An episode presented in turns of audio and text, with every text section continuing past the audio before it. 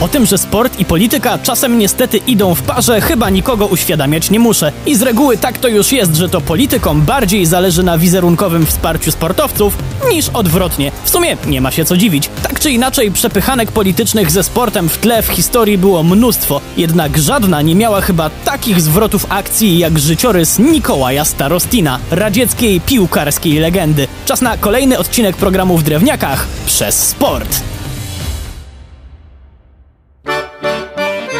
Mikołaj Starostin, urodzony w roku 1902, pochodził ze sportowej rodziny. Generalnie był strasznym hartem. Świetnie grał w hokeja i piłkę nożną. Do tego stopnia, że był kapitanem reprezentacji narodowej w obu tych dyscyplinach. My jednak nie będziemy się dziś skupiać na wynikach sportowych, ale na realiach, w których przyszło żyć Mikołajowi i o tym, jak bardzo ingerowały one w sport. Zacząć musimy od tego, że w sowieckiej Rosji, w Moskwie, były dwa topowe kluby potęgi: CSK Moskwa, której patronowała Armia Czerwona, i Dynamo Moskwa, założone w 1923 roku przez, o zgrozo, Feliksa Dzierżyńskiego, więc można się już domyślać, kto był patronem tego klubu. Oczywiście NKWD. Obie drużyny bardzo kusiły Starostina, jednak ten stanowczo odrzucał oferty i był wierny klubowi założonemu przez swoich braci, Spartakowi Moskwa. Oj, nie lubiła władza tego klubu. Czemu? No, po pierwsze, co to za nazwa ten Spartak? Aluzja do greckiego powstania niewolników przeciw władzy była oczywista i nie mogło się to rządzącym podobać.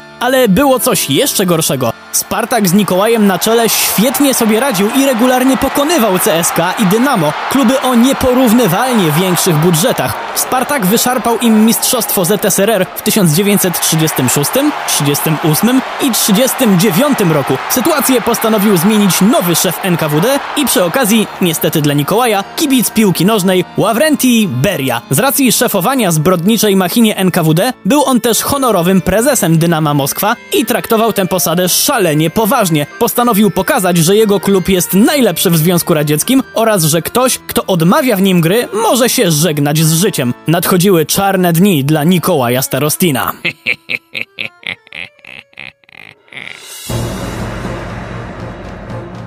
Berry nie było tak łatwo po prostu dopaść i bez powodu ukarać legendę piłkarską. Postanowił więc czekać. Z pomocą przyszła o dziwo druga wojna światowa. Ludzie mieli większe problemy niż jakaś tam piłka i wtedy szef NKWD zaczął działać. W 1942 roku Nikołaja aresztowano, a z nim tak profilaktycznie jego braci, szwagrów i kilku przyjaciół. Wszystkim postawiono standardowy wtedy zarzut w przypadku jeśli chciało się kogoś skazać bez posiadania dowodów. Przygotowywanie zamachu na życie Stalina. Śledztwo, a w zasadzie brutalne przesłuchiwania trwały półtora roku. W tym czasie oskarżonych torturowano, by wymusić przyznanie się do czynów, których się nie dopuścili, ale wszyscy wytrzymali i nawet posłuszny sowiecki sąd z braku dowodów nie mógł skazać Nikołaja na śmierć. Zamiast tego skazano go na 10 lat robót w łagrze na kole podbiegunowym. Tyle mógł wtedy zdziałać Beria, ale to wcale nie koniec, bo do przepychanki niespodziewanie dołączył się syn Stalina.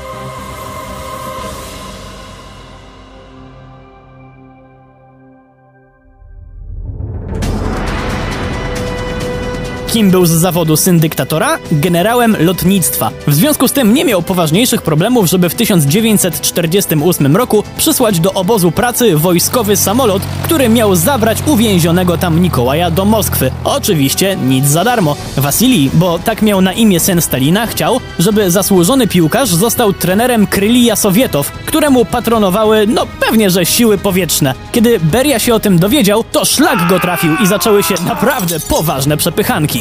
Szef NKWD postawił sobie za punkt honoru ponowną zsyłkę Starostina do łagru, a syn Stalina nie miał zamiaru mu na to pozwolić. Ze względów bezpieczeństwa umieścił Nikołaja w swoim domu, ale ludzie z NKWD szybko porwali legendarnego piłkarza. Co na to Wasili? Wysłał oddział komandosów, którzy odbili Starostina z pociągu, który wiózł go do syberyjskiego obozu. Tam jednak znów dopadli go tajniacy z NKWD i ostatecznie Nikołaj skończył w obozie niedaleko Chin.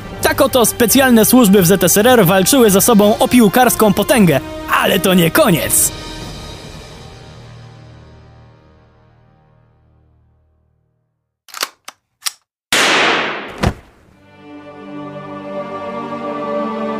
bo 26 czerwca 1953 roku jako wróg ludu został rozstrzelany No właśnie nie Nikołaj Starostin, tylko Ławrentii Beria. Generalnie po śmierci Stalina odrobinę się w Związku Radzieckim poluzowało i już w 1954 Starostina zwolniono z łagru i przyznano, że wszystkie stawiane mu zarzuty były wyssane z palca. Po tych przejściach Nikołaj nadal kochał piłkę i wrócił na stadiony. Oczywiście już nie jako zawodnik, a trener swojego ukochanego Spartaka, przez który się tyle nacierpiał. Po zakończeniu kariery trenerskiej był prezesem klubu aż do 1992 roku. Nikołaj Starostin to doskonały przykład miłości do apolitycznego sportu i jednocześnie tego, jak wiele są w stanie zrobić politycy, by podpiąć się pod legendy stadionów. Przy mikrofonie był Wojtek Drewniak. Do usłyszenia.